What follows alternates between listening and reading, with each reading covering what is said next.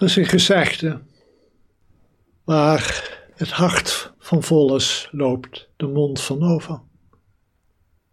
En een variatie daarvan zou kunnen zijn waar de geest van vol is, loopt de aandacht van over. Of richt de aandacht zich op dat waar de geest van vol is. En dit kennen we allemaal. Als iets je bezighoudt, begin je het ook vaak in je omgeving te zien. En het meest pregnant is wel wanneer mensen negatief denken over de wereld of over een ander. Dan wil de aandacht zich maar al te graag hechten aan wat negatief is. Wanneer we angstig zijn, merken we vooral die dingen op die ons angstig maken.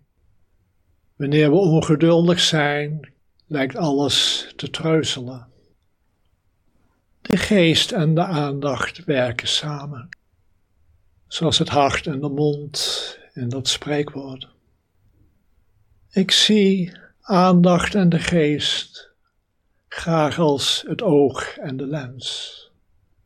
Het oog is de geest en de lens is de aandacht. En de lens heeft het vermogen om te focussen. En dit is een noodzakelijk iets, willen we scherp kunnen zien wanneer we dichtbij kijken. Maar de lens in een oog, wanneer het goed functioneert, is flexibel. Het scherpt het beeld als dat nodig is.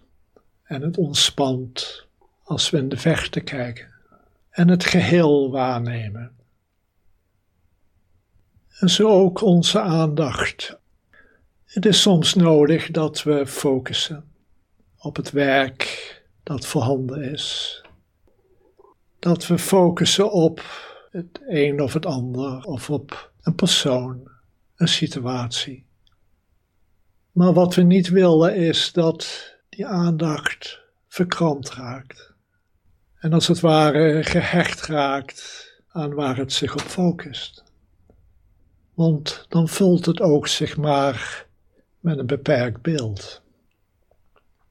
Onze aandacht moet ook kunnen ontspannen, zodat we het geheel weer waarnemen. En dit is precies wat we in de meditatie beoefenen. Onze aandacht laten ontspannen zodat de geest weer dit hele moment kan opnemen. Dit moment zoals het is. En natuurlijk, wanneer we dit proberen, merken we dat er over de jaren heen een verstarring al heeft plaatsgevonden in onze aandacht en onze geest. Om net zoals met de lens en het oog werken aandacht en geest samen. Dus willen we de aandacht kunnen laten ontspannen, zullen we ook de geest moeten laten ontspannen.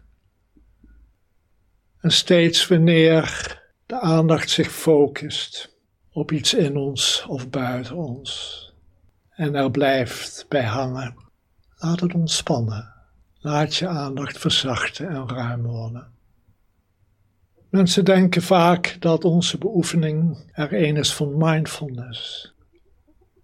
Maar grappig genoeg wordt onze beoefening soms ook de weg van geen mindfulness, van geen aandacht genoemd.